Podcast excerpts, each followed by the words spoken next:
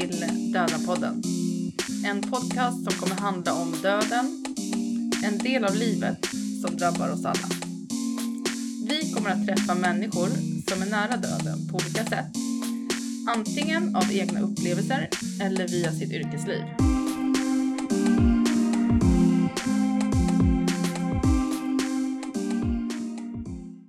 Nu är Dödenpodden på gång igen.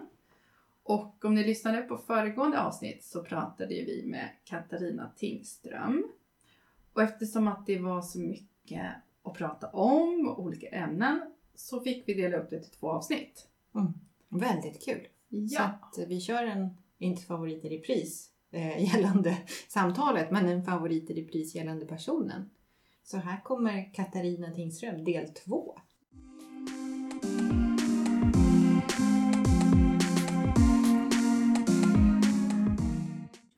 Jaha, Katarina. Du har ju skrivit en bok Ja. som jag har läst om döden och arbetsplatsen. Jag kan inte titta nu för jag ser inte den faktiskt. Det, det var... Eh, Döden på arbetsplatsen, det var nära. ja. Det var eh, de, det första förlaget som gav ut den när den kom ut första gången som tyckte att den titeln skulle vara bra. Eh, Du, du håller inte med? Ja, Jag får väldigt många frågor och säger så här, finns det någon mördare i boken? Ja, det är lite oklart. Ja. Ja. Det är väldigt många döda, men finns det någon mördare? Ja. Ja. Men under titeln är ju en handbok för chefer och arbetsledare. ja, men precis. Ja, men jag börjar fråga så här. Är det vanligt att en anhörig på en arbetsplats får ett dödsbud? Alltså när den är på jobbet? Om det är vanligt eller inte, det vet Ja. inte jag. För Nej. jag jag har inte sett någon statistik på det. Eller, men det händer. Och jag har ju själv varit med och lämnat det. Hur... För, liksom, för mig så skulle det kännas som att om jag ska på jobbet, Ja. i min jobbvärld, Ja. och så kommer någon och knackar på. Mm. Det, det måste ju vara fruktansvärt. Mm. När jag har varit med då har vi gjort så här att, att vi har tagit kontakt med arbetsplatsen innan och bett om någon, någon, om det finns någon personalavdelning, någon HR-avdelning eller någon chef eller så, personalchef, att eh, bistå med att ordna ett rum där man kan få sitta i, i fred med Mm. personen och också ta fram någon stödperson från arbetsplatsen. Det kan ju finnas kamratstödjare, det kan finnas krisstödjare, det kan finnas eh, HR-personal med kompetens för det som ska Mm. vara med då och, Mm. och hjälp, kunna ge stöd efteråt. Eh, och sen eh, talar vi om när vi kommer och då har de, hämtar de den här personen på sin arbetsplats och säger vi, vi behöver att du kan du följa med och så får de ju träffa oss. Och då är det ju så att när man ser poliser i uniform eller förstår att det är en polis som är civilklädda och en präst med prästkrage då är signalvärdet oerhört starkt. Och då Mm. förstår man att det har någonting med död att göra. Så där får de ju bara när de ser oss får de ju en första indikation att här har det hänt någonting. Mm. Och så berättar då polisen så fort som möjligt. För ingen ska ju behöva sitta där och, och plågas och inte veta vad som har hänt utan eh, vem det gäller och vad det är som har hänt. Mm. Anledningen till att man gör så det är för att man brukar tänka att det finns någonting som heter eh, snabbhetsprincipen. Det vill säga man ska inte, när man får veta någonting sånt här och så kanske man efteråt förstår att personen i fråga har varit död väldigt länge Mm. och jag inte har fått veta om det som anhörig. Eh, då kan det bli väldigt svårt för mig därför att då kan jag få skuldkänslor. Jag tar ett exempel. Ja. Om jag eh, är hemma på kvällen och eh, så har jag några vänner på besök och vi dricker lite vin och trevligt. Det här var ju då före pandemin då som ni förstår. Ja, självklart. I ditt Exemplet, ja. Ja, ja. Inte under pandemin. Nej. Nej. Men under, efter- före pandemin. Och då så, eh, och så dör min partner. Mm. Men så kommer polisen kanske ett dygn senare och berättar det. Och då när jag har fått veta det här, då börjar jag liksom tänka, jaha. Medan jag hade jätteroligt och drack vin och vi hade skoj och skratta och så här. Då var han, eller hon död. Och då kan man få sådana skuldkänslor fastän man vet att, ja men jag visste ju inte det. Hur, hur Mm. kan jag ha skuldkänslor? Man får det i alla fall. Ja. Och då, jag tycker om den här principen att man ska få veta så fort som möjligt. Mm. Och därför så spelar det ingen roll om man är på jobbet dagtid eller om man är hemma på natten. Utan då, då ska man få veta det. För jag tycker man har rätt att få Mm. veta det. Och eh, därför så åker, kan man få det på jobbet. Men ålägger det arbetsgivaren att, att uh, vara beredd på att det här kan komma till någon arbetstagare? Ja, jag tänker att alla arbetsgivare borde någon gång tänka tanken att det kan hända. Mm. Ehm, för det, som sagt var, det kan ju drabba alla. Mm. Det kan vara plötslig sjukdom eller trafikolycka som du vet. Eller det kan vara självmord eller det kan vara Mm. någonting annat. Eller att man kan få, sjukvården har ju det här att de kan ringa ibland och överlämna dödsbud på telefon. Mm. Och då kan det ju vara så att man har någon anhörig på sjukhuset och, är, och så är man på jobbet och så ringer sjukvården doktorn och säger att nu har den här personen tyvärr avlidit. Mm. Och då är man ju på arbetsplatsen Mm. eh, och får ta emot det här dödsbudet. Så att, eh, och då är min tanke att eftersom jag under de här åren jag jobbar har haft så otroligt mycket kontakt med olika arbetsgivare som ringer och säger vad ska vi göra nu? Mm. Nu har det här hänt, eh, våra medarbetare har eh, förlorat en anhörig eller att en medarbetare har avlidit. Hur ska vi göra nu? Och då, det var därför jag skrev boken, för jag insåg att många gör ingenting Aha. för de vet inte vad de ska göra. Så, du vet det här paret som tryckte upp mig i köket Mm. Ja. och frågade vad ska vi göra nu? Mm. Eh, arbetsgivaren blir också tafatt. Och vad ska vi göra nu? Och man är rädd att göra fel och det här känns inte bra. Nej, vi gör ingenting. Så jag tror inte man gör det av elakhet. Jag tror att man gör det av att man bara inte vet vad man ska göra. Mm. Och då kan man få nya konflikter på en arbetsplats. För då Mm. börjar arbetskamraterna reagera. Titta, nu har det här hänt. Ingen gör någonting. Ingen Mm. säger någonting. Mm. Varför gör de ingenting? Mm. Och så får man nya problem som följer på det. Oavsett om det gäller att man har förlorat en arbetskamrat eller en anhörig till en arbetskamrat. Men om, om till exempel en arbetskamrat avlider Mm. så tisdag morgon så, Mm. så är inte Kurt på jobbet. Nej. Och så får cheferna reda på vad som har hänt. Ja, Om vi då säger att Kurt har tagit livet av sig. ja. Ska de, hur mycket ska en arbetsgivare berätta? Och vad, vad, alltså finns det några riktlinjer Nej, det för, för vad man ska säga och bete sig? Eh, några riktlinjer typ från Arbetsmiljöverket finns det ju inte. Nej. Nej. Utan det är ju väldigt mycket upp till var och en. Och det var ju därför också jag skrev boken. För jag Mm. ville försöka hjälpa till. Mm. Det troliga är att, heter han Kurt? Ja, Ja, min, min exempelperson heter ja, Kurt. ja. Om Kurt har tagit livet av sig Mm. så skulle jag gissa att arbetsgivaren får veta det antingen genom att de anhöriga ringer och berättar varför Kurt inte kommer till jobbet. Mm. Mm. Eller att någon arbetskamrat har fått höra det här av Mm. familjen eller av, av någon Mm. varför Kurt inte är på jobbet. Och då skulle jag nog som arbetsgivare, jag skulle börja med att fråga de anhöriga och säga det, jag måste ju berätta det här för han, Kurts arbetskamrater för de kommer ju undra vart han har tagit vägen. Mm. Och bestämma med de anhöriga, vad får man säga? Mm. När jag började jobba för 30 år sedan så var ju självmord tycker jag, mer tabubelagt än idag. Mm. Eh, Så då kunde det hända att anhöriga kunde säga att man eh, inte får berätta det. Jag har haft begravningar Mm. där jag och de anhöriga vet att personen har tagit livet av sig. Men alla andra som är i kyrkan tror att personen har dött i hjärtinfarkt eller stroke. Ja. För det var skambelagt och så. Jag tycker det här har blivit mycket, mycket bättre idag. Ja. Och jag tycker absolut att vi ska prata om det. Mm. Ehm, så, men jag tror också att det är viktigt att man får tillstånd av de anhöriga. Ja. Annars får man väl bara berätta att Kurt har avlidit. Mm. Och, och så får man kanske frågor från arbetskamrater, vad har hänt? Så kanske man kan säga, "Ja, vi vet tyvärr inte, men vi vet att han har avlidit. Mm. Och sen behöver man hantera det på en arbetsplats. Mm. För vi är ju jätteduktiga på att göra pensionsavtackningar och när vi slutar Mm. Jobba, byter Mm. jobb, då får vi tårta och vi kan få presenter. Och Mm. Mm. också före pandemin så fikade vi ihop då. Mm. Men, men när någon dör, Mm. då är det som, jaha, gör vi ingenting då? Hur ska vi förstå att den här personen inte kommer tillbaka? Mm. Och då är mitt förslag eh, i boken det är att man ska ordna då en, en, en minnesstund. Och det är inte en minnesstund i religiös bemärkelse utan det är en samling för eh, arbetskamraterna för att försöka förstå vad som har hänt. Det är en rit, ett ritual som Mm. hjälper oss att hantera. Precis som när vi har pensionsavtackningar eller när någon byter jobb. Då, det är ju också en rit. Ja. När vi Mm. skålar, kaffe, presenter, blommor så gör vi en rit av att den här personen, och så vet alla, nu slutar Kalle och han Mm. i, på måndag då jobbar han någon annanstans eller han har Mm. gått i pension och vi är kvar här och Kalle kommer inte att vara här. Mm. Mm. Och så är det så med döden också. Så då gör vi en, en rit om att Kalle har avlidit och, Mm. och, och eh, gör det värdigt och sen så dricker vi kaffe tillsammans och minns honom. Och då kan arbetsgruppen hantera att Kalle har klivit ur arbetsgruppen och inte kommer tillbaka. Mm. Så det är ju ett verktyg för arbetsgivaren att hjälpa en arbetsgrupp att förstå att den här personen inte kommer tillbaka. Och många gånger kanske dödsfallet har skett väldigt hastigt. Mm. Och då är det ännu viktigare att få hjälp och försöka förstå att han kommer inte tillbaka. Om, om, om man har den här riten, Ja, man kanske har någon minnesbok, några Ja. ljus eller Ja. blommor, vad, vad man nu har. ja.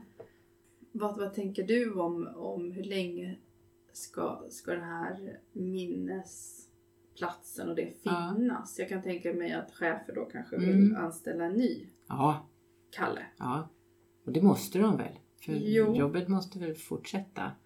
Så är det ju. Ja, men det ska göras på ett värdigt sätt. Och, och i, så länge man, jag tror det viktiga är att så länge man försöker berätta för arbetsgruppen och förklara varför man gör som man gör, Mm. så förstår folk det. Mm. Det de inte förstår, det är när chefer börjar göra saker utan att kommunicera omkring det. Mhm.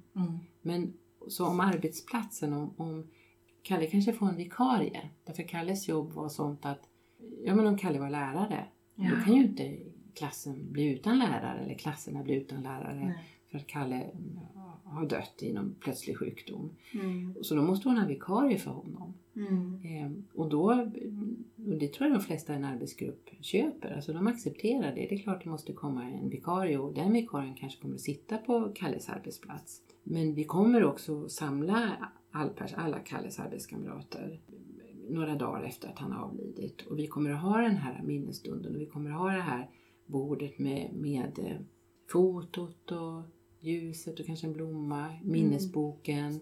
Den kommer att stå där i lärarrummet fram till Kalles begravning. Mm. Och sen vid begravningen då tar kollegorna eller någon chef minnesboken med sig och lämnar till de anhöriga. Mm. Och så kan vi avsluta den här platsen i och med att, att Kalles begravning har varit.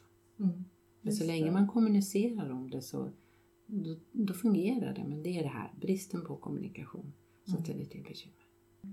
Jag tänkte på om, om kollegor, som kollega kan man ju vara så olika med Mm. Alltså vissa är i, i sin profession och vill inte blanda in känslor Mm, och, och mm. så. Och vissa eh, är mer öppna. Mm. Hur kan man hantera det på en arbetsplats?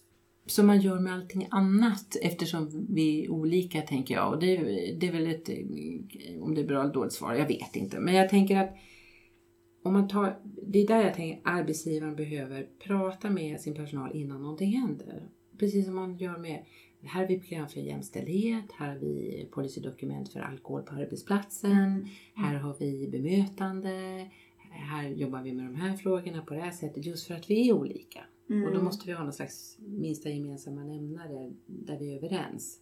Att så här vill vi ha det på vår arbetsplats. Och då tänker jag att, att som chef skulle jag, om jag var chef, skulle jag säga ja, om någon dör i min arbetsgrupp. Så bara så ni vet det. Här kommer det bli minnesstund. Och här kommer det bli minnesbok. För vi gör lika för alla. Sen hur mycket ni vill delta i det här, Mm. det är upp till er. Eh, Vill du skriva boken, då får du bestämma själv. Vill du vara med på minnesstunden får du bestämma själv. Men erbjudandet kommer att finnas där. Och det märkte, har jag märkt, för jag har ju varit på jättemånga arbetsplatser och fått haft minnesstund. Mm. Och då märker jag att en del säger Ja, jag är gärna med på minnesstund, men jag aldrig att jag stannar och dricker kaffe efteråt. För jag hatar att man sitter och är så glad efteråt Mm. och pratar. Och, och då måste man ju respektera det. Mm. Och jag tänker, de är väl inte glada för att Kalle dog, men när vi dricker kaffe tillsammans efteråt, då får jag höra alla fina berättelser om Kalle, hur han var som arbetskamrat och de kanske gjorde något trevligt ihop och han kanske skämtade om en viss sak och sådär. Och så kommer de fina minnena fram också. Mm. Inte bara det här sorgliga att han dog. Mm. Och så får vi liksom vara tillsammans omkring det. Mm. Och andra säger självklart att vi ska minnesstund. Och sen självklart att vi ska dricka kaffe efteråt. Så ha någon, ha någon liksom några, några riktlinjer på en arbetsplats. Så här tänker vi göra och det viktigaste är att vi gör inte skillnad på personer. Nej. Nej. Så alla, oavsett vilken nivå i en eventuell hierarki, så gör vi lika. För alla på den arbetsplatsen är lika mycket värd. Absolut. Men hur, eh, Vad, vad skriver du och tänker om någon dör på arbetsplatsen?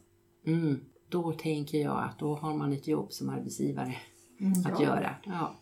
Jag tror det är jätteviktigt att fånga upp eh, alla de som har varit med vid händelsen. Man kan ju dö av eh, akut sjukdom, få en stroke eller hjärtinfarkt på jobbet. Fånga upp alla som har varit med och sett någonting, hört någonting. Eh, inte skicka hem dem innan man har fått stämt av hur det är med dem. Eh, berätta för dem att det kommer att bli uppföljning med form av avlastningssamtal. Man kan kontakta företagshälsovården kanske som kan komma och hjälpa till. Eh, se till så att de får så mycket stöd som möjligt att hantera det här. För när man har fått hörselintryck, synintryck, känt på saker och så vidare så händer det ju någonting med oss. Mm. Eh, informera så fort som möjligt. Mm. Eh, många känner sig säkert berörda, tycker att det är jobbigt fastän de inte har sett eller hört någonting. Mm. Och, så att alla, och, och eh, ge så mycket information som det går. Det tror jag är jätteviktigt. Och så ordna minnesstund. Men om, om vi då säger att det varit någon traumatisk, Mm. någon får en akut Mm. hjärtstopp och, Mm, och så är jag som kollega Mm. med här och mm, är jättechockad. Mm. Finns det risk att, att jag får symptom längre fram som, som inte märks kanske de första dagarna? Så kan det ju vara. Vi reagerar ju olika. En Mm. del är väldigt omedelbara i sina reaktioner, för andra så kommer det lite längre fram. Mm. Och det är därför det är så viktigt att arbetsgivaren är lyhörd en lång tid efteråt. Mm. Och kanske den där som sa initialt, nej jag behöver inget samtal, jag behöver inga avlastningssamtal eller jag behöver inget stöd. Kanske återkomma till den efter ett par, tre veckor och fråga hur är det nu då? Ja, precis. Och inte tro att, ja men jag frågar en gång, den vill inte ha hjälp, nu är det klart. Nej, just det. Precis. Utan förstå att reaktionen kan komma sen, Mm. eh, två, tre. Men ibland möter jag människor som, där det har gått lång tid, vad det nu är för någonting. Men de kan vara oroliga för att de inte har fått en reaktion. Ah. Som om man borde få en reaktion. Mm.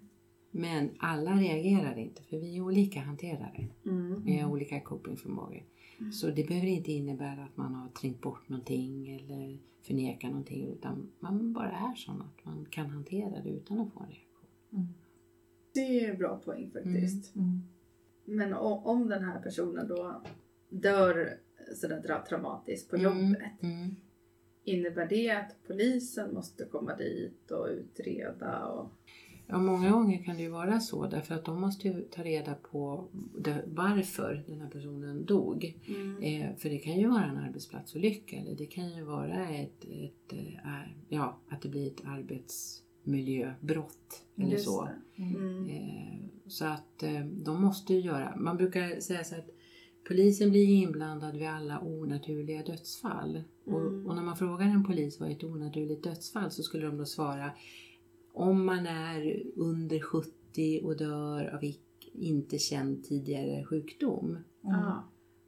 Och på, så skulle de nog vara där och kolla. Sen innebär inte det att det innebär att det har begåtts något brott. Det där tyckte jag var ganska intressant när jag var på polisen. Att när man pratar med dem på rättsmedicin där då kropparna hamnar Mm. i samband med att polisen är inblandad. Eh, så kan man säga att det, då när jag var där då var det, pratar man om någonstans runt 68% av alla kroppar på rättsmedicin är ju där på grund av ett brott har begåtts. Alltså ett mord eller ett dråp. Och då förstår vi att någonstans mellan vad blir det, 96 Ja. till, nej 94 till 92 procent är där utan att det är något brott begånget. Ja. Utan det är trafikolyckor, överdos, självmord, barn, unga människor utan tidigare känd sjukdom Mm. som plötsligt blir sjuka och dör. Mm. Mm. Så, och det tror jag också man kan ibland behöva då informera personalen om att bara för att polisen har varit här, vi har sett dem, eh, så innebär det inte att det är någon som har mördat din arbetskamrat eller att det har begåtts ett brott eller så, utan de ska göra en utredning. Men det måste man i samband med ett dödsfall. För det måste bli ännu mer Ja. ka- om man då, först är det här traumatiska Ja. att någon kanske faller ihop och dör och sen Ja. är polis, alltså jag kan ju Ja. bara inbilla mig hur det pratas på en arbetsplats Eller hur? efter det. Och SOS Larm kommer ju troligen att skicka en polisbil tillsammans med ambulansen. Mm. Men jag tänker, vi pratade tidigare om arbetsmiljölagen, men det Mm. finns ingenting där förutom att arbetsgivaren ansvarar för eh, psykosociala hälsan och så. Men det finns inga fler liksom, riktlinjer just gällande dödsfall i arbetet eller arbetsplatsolyckor. Mer än att de ska anmälas till Arbetsmiljöverket som ska göra en utredning Ja, och se om det har begåtts några felaktigheter. det är det enda som finns. Det Ja. finns liksom ingen... Det är Nej. fantastiskt att Nej. den här boken kommer. Ja, Jag har inte Mm. läst den eftersom den har varit Men jag tror- jag tror att jag, eh, arbetsgivaren skrev nog det. Finns här i... Det som regleras är ju att arbetsmiljölagen då, att man ska vidta åtgärder för att förebygga Mm. så att arbetstagaren inte utsäts för ohälsa eller olycksfall. Och det finns att arbetsgivaren ska svara för att det finns till exempel företagshälsovård. Då. Mm. Eh, och om man, det är så pass stort då att det kräver att man behöver ha det. Mm. Men det finns liksom ingenting som, som reglerar vad man måste göra när någon avlider. Nej. Jag tänker att det borde för sig finnas en hel del policies och riktlinjer som det ofta Ja. finns på stora organisationer eller myndigheter. Ja. Så skulle Arbetsmiljöverket lyssna på det här och komma på att det där vore en bra idé, då kan de ju ringa oss. Ja, precis. Ring Så kan vi bistå. Så kan Ja. vi bistå. Köp Katarinas bok Ja. till att börja med. ja, precis. Steget. ja, steg ett. Men Ja. eh, är kvar på den här Kalle som dog på arbetsplatsen. Mm. När, när det då ambulansen kanske kommer dit och polisen Mm. och, och det konstateras att, att han är avliden Mm. av någon anledning. Mm. Och ligger det arbetsgivaren då och tar kontakt med anhöriga? Eller Nej, polisen. det är polisen. Mm. Så det är ingen skillnad. Nej. Men däremot kan arbetsgivaren få vara med om de vill. Eh, Jag vet ju arbetsgivare som har sagt Mm. att ja, men vi, klart vi vill ge stöd till Kalles anhöriga. Mm. Så vi vill vara med nu när ni gör det här så vi får in det här stödet på en gång. Mm. Och där är ju företagen så otroligt olika. Men det finns ju arbetsplatser med stora HR-avdelningar och mycket personal som kan hjälpa till och ge stöd. Och så finns det det lilla företaget Mm. med ett eller par anställda och de kanske inte har den möjligheten. Nej, Så det är ju precis. utifrån de resurserna som arbetsplatsen har. Mm. Mm. Jag tänker också, är man ett mindre företag så har man ju oftare lite närmare relationer med Ja. sina anställda. Det tror jag med. Och kollegor emellan, är det fem stycken så Ja, man Ja. blir ju närmare än om du är 120 stycken. troligtvis. Men jag märker ju många stora företag där det har hänt någonting och man var tvungen att fundera på de här frågorna. De bjuder ofta in mig till någon form av utbildning eller föreläsning efteråt för då Mm. vill de ta fram någon form av riktlinjer, rutiner. Ofta stora företag du vet som har människor som kanske reser över hela världen. Hur, hur ska de hantera det om någon skulle dö i en olycka eller sjukdom? Mm. Men det som triggersen verkar vara att det har hänt något. Ja. Så, så länge hälsan tiger still så har man inte haft någon anledning att fundera på det här. Och så kommer dödsfallet in i organisationen och då får man upp ögonen för bristen och så vill man åtgärda det. Mm. Bara en, en fråga jag kom på nu. Mm. Alltså det här med eh, skomakarens barn och sådär. Ja. Hur, hur funkar det på arbetsplatsen inom Svenska kyrkan? Jättebra fråga. Jag vill hoppas och tro att eh, vi skulle kunna sköta det här alldeles utmärkt. Men jag misstänker att vi är som alla andra arbetsplatser. Jaha. Att vi blir att en del kommer han, församlingar kommer att hantera det jättebra och andra kommer att bli lite tafatta och inte veta vad de ska göra. Men, jag, Det är ju spännande. Ja. Ja.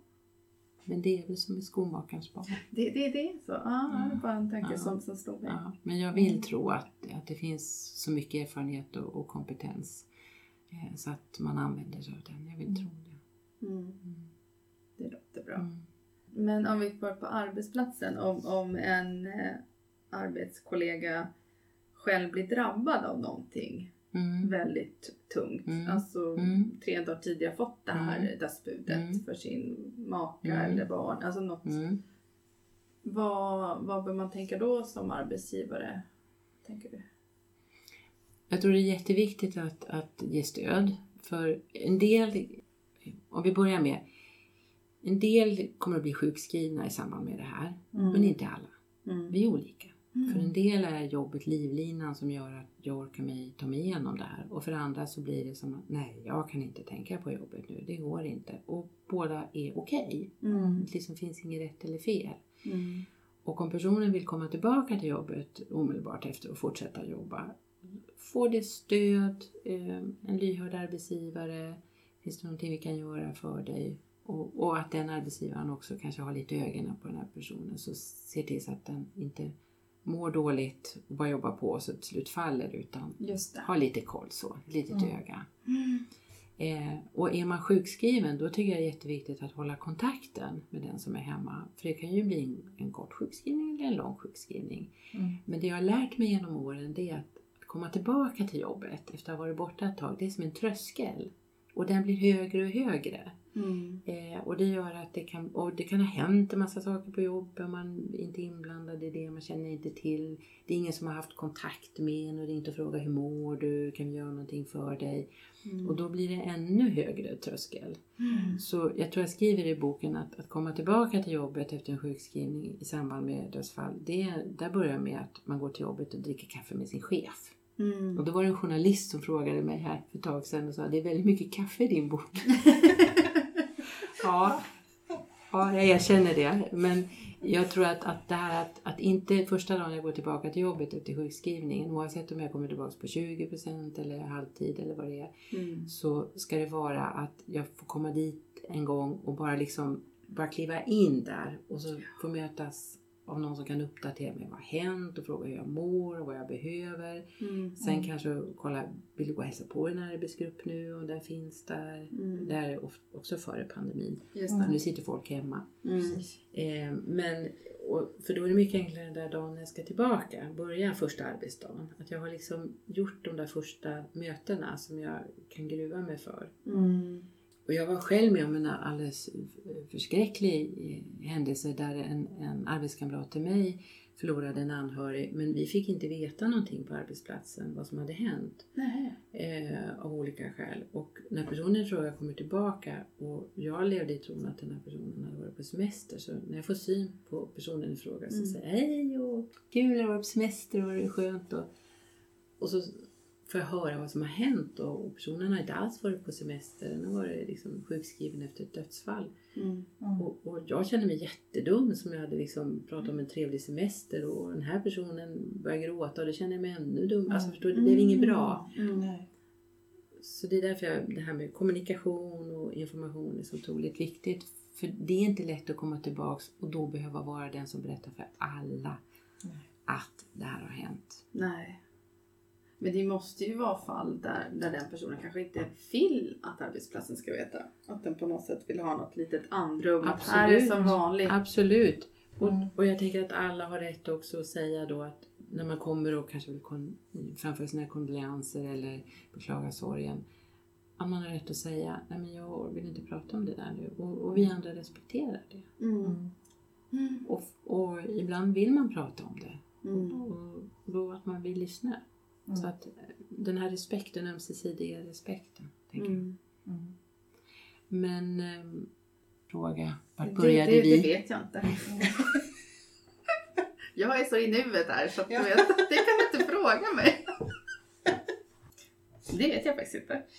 Och väl lite hur man som arbetsgivare ska agera. Alltså vad om, Om man har liksom- förlorat en anhörig. Ja, det var där Ja, det började. Ja. ja, precis. Och hur man som kollega ska agera. Men jag tror att vi Mm. Det har väl täckt av. Mm. Ja, men alltså det borde ju nästan alla uppleva någon gång under sitt yrkesliv. Mm. Att man har en, en kollega som har, ja, någon förälder har dött Mm. eller, Mm. ja, Mm. det kan ju vara Mm. olika öden. Mm. Men jag tror som sagt som, som du sa, just här, lyhördheten i att så här, ja, antingen så är arbetsplatsen ett andrum där man inte behöver Mm. tänka, man behöver bara liksom jobba. Kanske ha glädje i den här stunden som man är på jobbet och inte behöver tänka på det. Mm. Liksom. Men det blir något, ibland så möter jag, det blir något absurt att någon, det värsta i mitt liv kanske har hänt. Mm.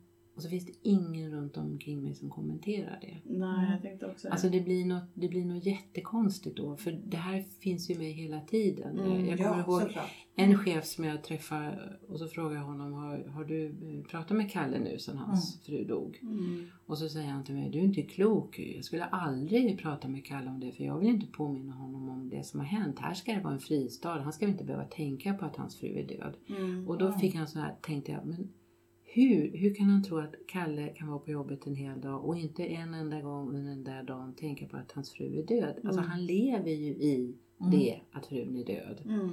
Men han kanske inte vill prata om det. Mm.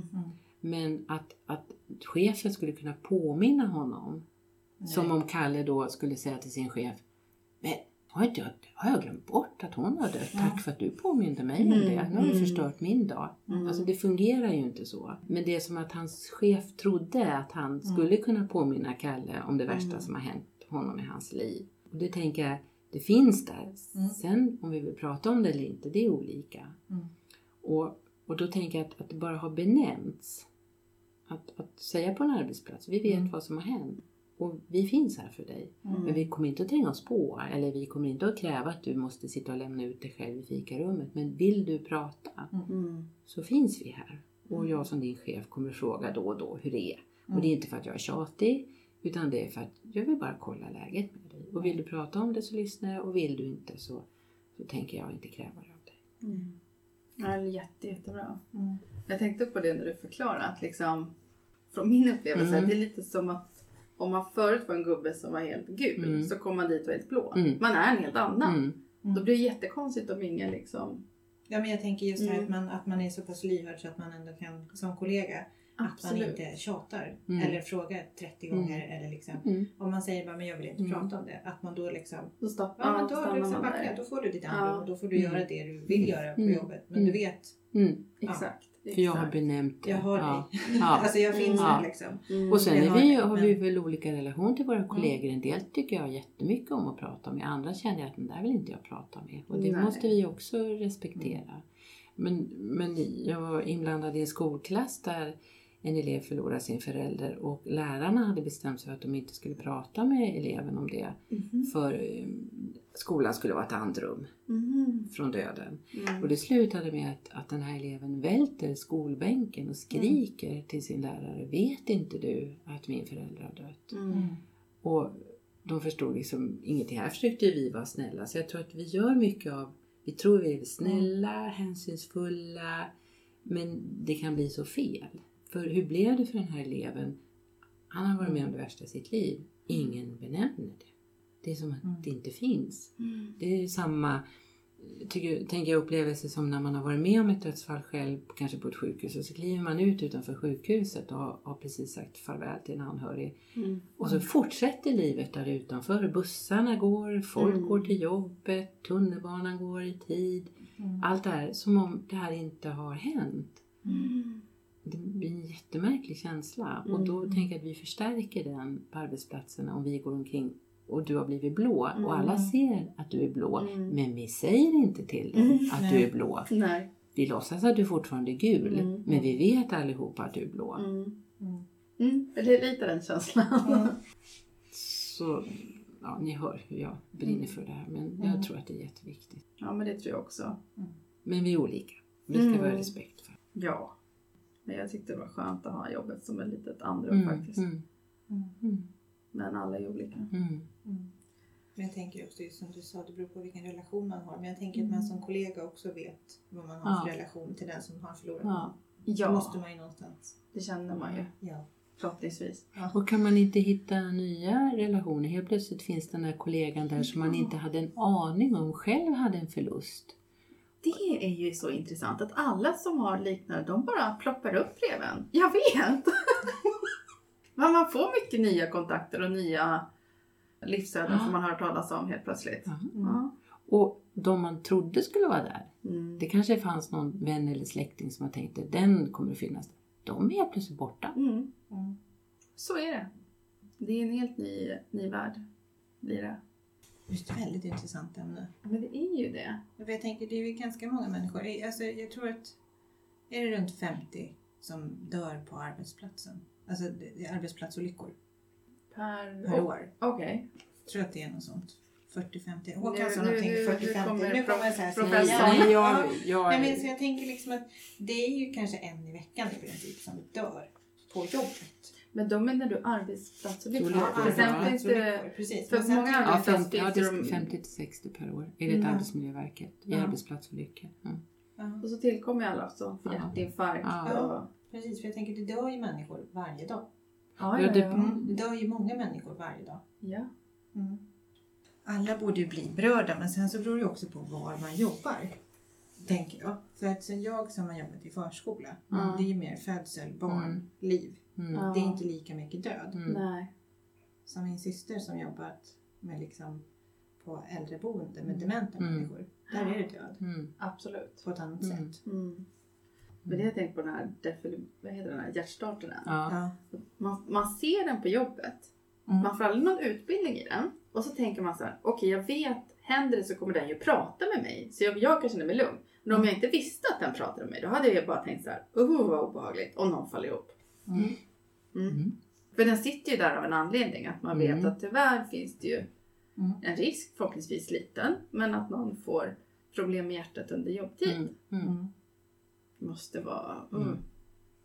Men det är ju en intressant eh, tanke just det här som du säger. Det är ju ungefär en i veckan som Mm. dör i arbetsplatsolyckor i Sverige idag. Mm. Mm. Och hur mycket pratar vi om det här? Nej, Ingenting. Ingenting. Men sen är det för sig så att det, alltså vad är det vanligaste? eh, Byggbranschen är väl rätt hårt drabbad. Mm. Så, jag vet, vi har pratat om det här i skolan. Jag tror att jordbruket, alltså jordbruket ligger också ganska högt. Mm. För jag har ju ingen insyn, ja transport såklart. Jag har Ja. ingen insyn liksom, i jordbruksbranschen. Mm. De kanske har andra riktlinjer för att det händer oftare Mm. där. Mm.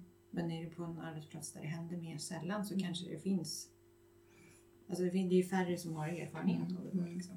Men ändå, det här som vi har pratat om att, att en kollega kan gå bort Mm. eller en kollega kan bli drabbad. Det är ju ändå relativt stor risk att man är Mm. med om under sin, sin arbetsliv. Mm. Och som arbetsgivare måste det ju vara en självklarhet att man har någon tanke om det. Mm. Mm. Är din erfarenhet att arbetsgivare... Och det är ju, min erfarenhet är ju att det inte är så. Och det är därför jag skrev boken. Mm. För att ge ett verktyg för att så man gör någonting istället för att man inte gör någonting. Att man hanterar med tystnad. Mm. För att man inte vet vad man ska göra. Och vad ser du risken är om, om arbetsgivaren inte är informerad och, och kanske bara vill sopa under mattan? Att eh, arbetsgivaren förlorar förtroendet eh, från sina medarbetare. Mm. Att, Varför ska jag vilja jobba kvar på den här arbetsplatsen när jag ser hur arbetsgivaren hanterar att jag antingen har förlorat en arbetskamrat eller hur man hanterar en arbetskamrats anhörigstöd, alltså stödet Mm. då till medarbetare. Mm. Mm. Och att, man, och att det påverkar. Man, jag tänker man kan inte vara chef och arbetsledare, man kan inte vara arbetsgivarens representant eh, mot en arbetsgrupp om man inte har förtroende. Nej, det tror inte jag heller. Ja, det, är, det är många du kan utbilda, Katarina. Mm. och, jag, Tänk alla chefer man det Ja. och jag är oerhört tacksam för att jag får utbilda många också. Mm. Men, Mm. men det finns ju många kvar. Mm. Mm. Vad tror du är de största hindren eh, för en arbetsgivare att kunna hantera det här på ett bra sätt?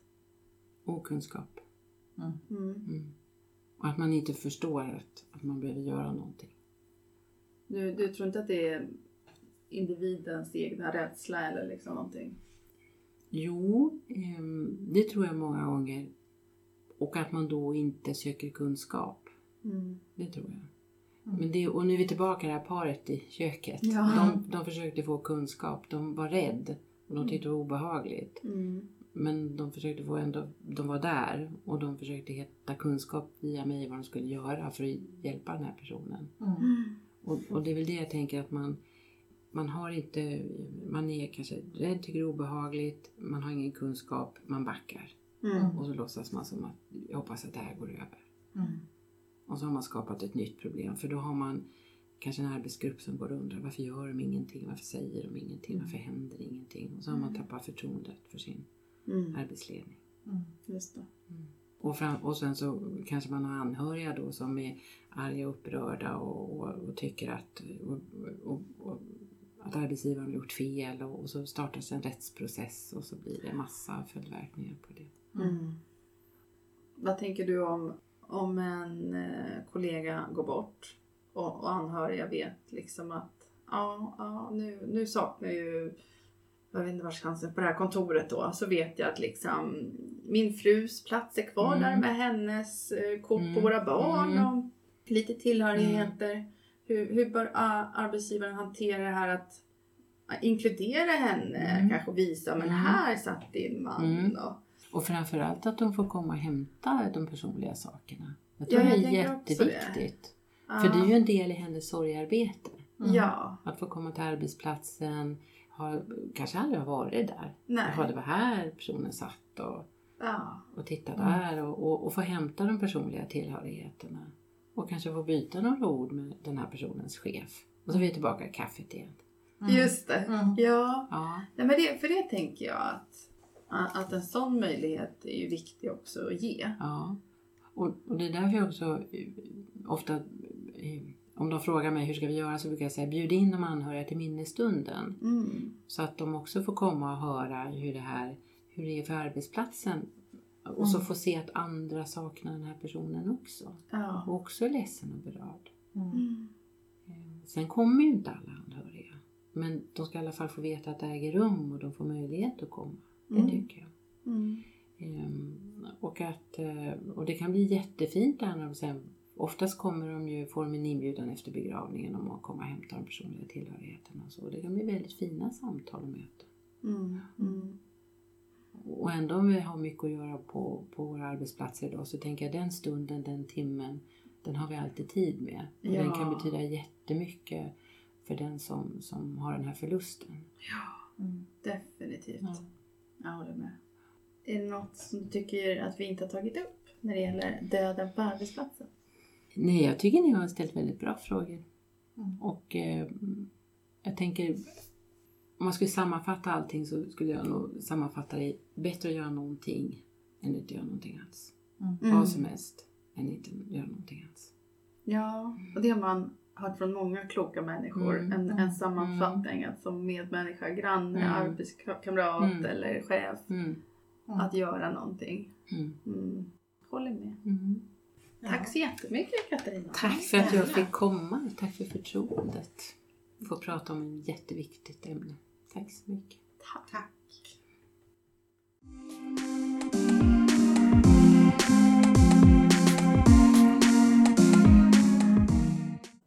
Ja, alltså det här är ju ett ämne som eh, jag inte riktigt har funderat på innan. Men så himla stort. Det, alltså att, att arbetsplats, många, många människor jobbar. Mhm. Ofta ett helt yrkesliv. Mhm. Och självklart kommer man ju drabbas av att någon kollega ja, har en stark sorg. Mm. Kanske att någon kollega går bort. Mm. Det är ju eh, jätteviktigt. Ja, och så är det en otrolig ögonöppnare att det inte finns en enda liksom, riktlinje. Jag tänker Arbetsmiljöverket som är nere och, liksom, ursäkta att jag säger så här, men de är nere och petar i liksom hur man ska sitta på förskolan eller liksom vilka möbler du får ha. Men de säger inte ett skit om liksom, hur gör man när någon dör. Nej. Det finns noll. Men det står arbetsgivaren ansvarar för liksom, psykosociala arbetsmiljön. Ja visst, det var ju fint. Men sen då? Ja, men alltså, det där är ju faktiskt lite intressant om man tänker så här, döden generellt som vi inte Mm. riktigt vill prata om. Ja, Är det här samma symptom? Ja. stoppa huvudet i sanden. Ja, lite så. Vi, pratar, vi, hopp, vi hoppas på att någon dör. Ja, Nej, men det är tar vi när det kommer. Det är så jobbigt att prata om. Ja, Vi struntar i det bara. men lite så. Ja. Men man vet ju att det kommer, och har man ett större företag då absolut. Mm. Ja, det skulle vara intressant att veta, ni som jobbar på större företag och så, om det finns några riktlinjer och policies som det bara är att vi inte vet om dem. Men vi lutar oss på det som Katarina sa, att det generellt finns en ganska stor okunskap och Mm. brist på liksom, rutiner hur Vi man måste- hanterar det. Det måste ju också vara så himla beroende på om det är en liten firma Mm. med tre snickare eller om det är någon Mm. stor Stockholms stad. Jag menar hur många anställda har inte de till exempel. Mm. Det måste ju... Ja. Ja, alltså offentlighetsprincipen gäller. Det är bara att rota på. Jag ska ge en skola. Stockholms stad, vad har ni för riktlinjer? Ja, ja, det var ju faktiskt bara ett exempel. Mm, Men, nej, ja. men, eh, det, men generellt så, så alltså, finns det. Är det någon där ute som jobbar på en HR-avdelning eller kanske har en chefsposition mm. som kanske bara kan skicka ett litet mejl och tala om hur ni gör? Har ni Mm. några sådana rutiner? Finns de överhuvudtaget? Mm. Det skulle vara intressant. Nej, men mycket intressant och eh, Jag promotar hennes bok också, Döda på arbetsplatsen av Katarina Tingström. Mm. Det, kommer bild såklart i våra sociala medier på den. Ja, ja självklart. Och eh, den kan man ju absolut köpa. Och alla företag kan ju ha den Mm. på hyllan. Mm. Och typ, jag tror att den borde finnas på ett bibliotek nära dig. Kanske. Vi hoppas på det. Sa hon igen. Om den har public service. Om du inte vill köpa. Så vill du köpa boken så finns det såklart att låna. Du är så Nej, jag vet fin faktiskt du Rosa. det. Ja. Ja. Men trevligt hörni. Mm. Nu är vi igång säsong två. Det är vi definitivt. Vi tuffar Ja. på. Och eh, dörren står alltid öppen på våra sociala medier och mejl. Mm. Bara hör av sig. Absolut. Ha det fint där ute. Mm. Vi hörs snart igen. Det gör vi. Ajöka. Ajöka.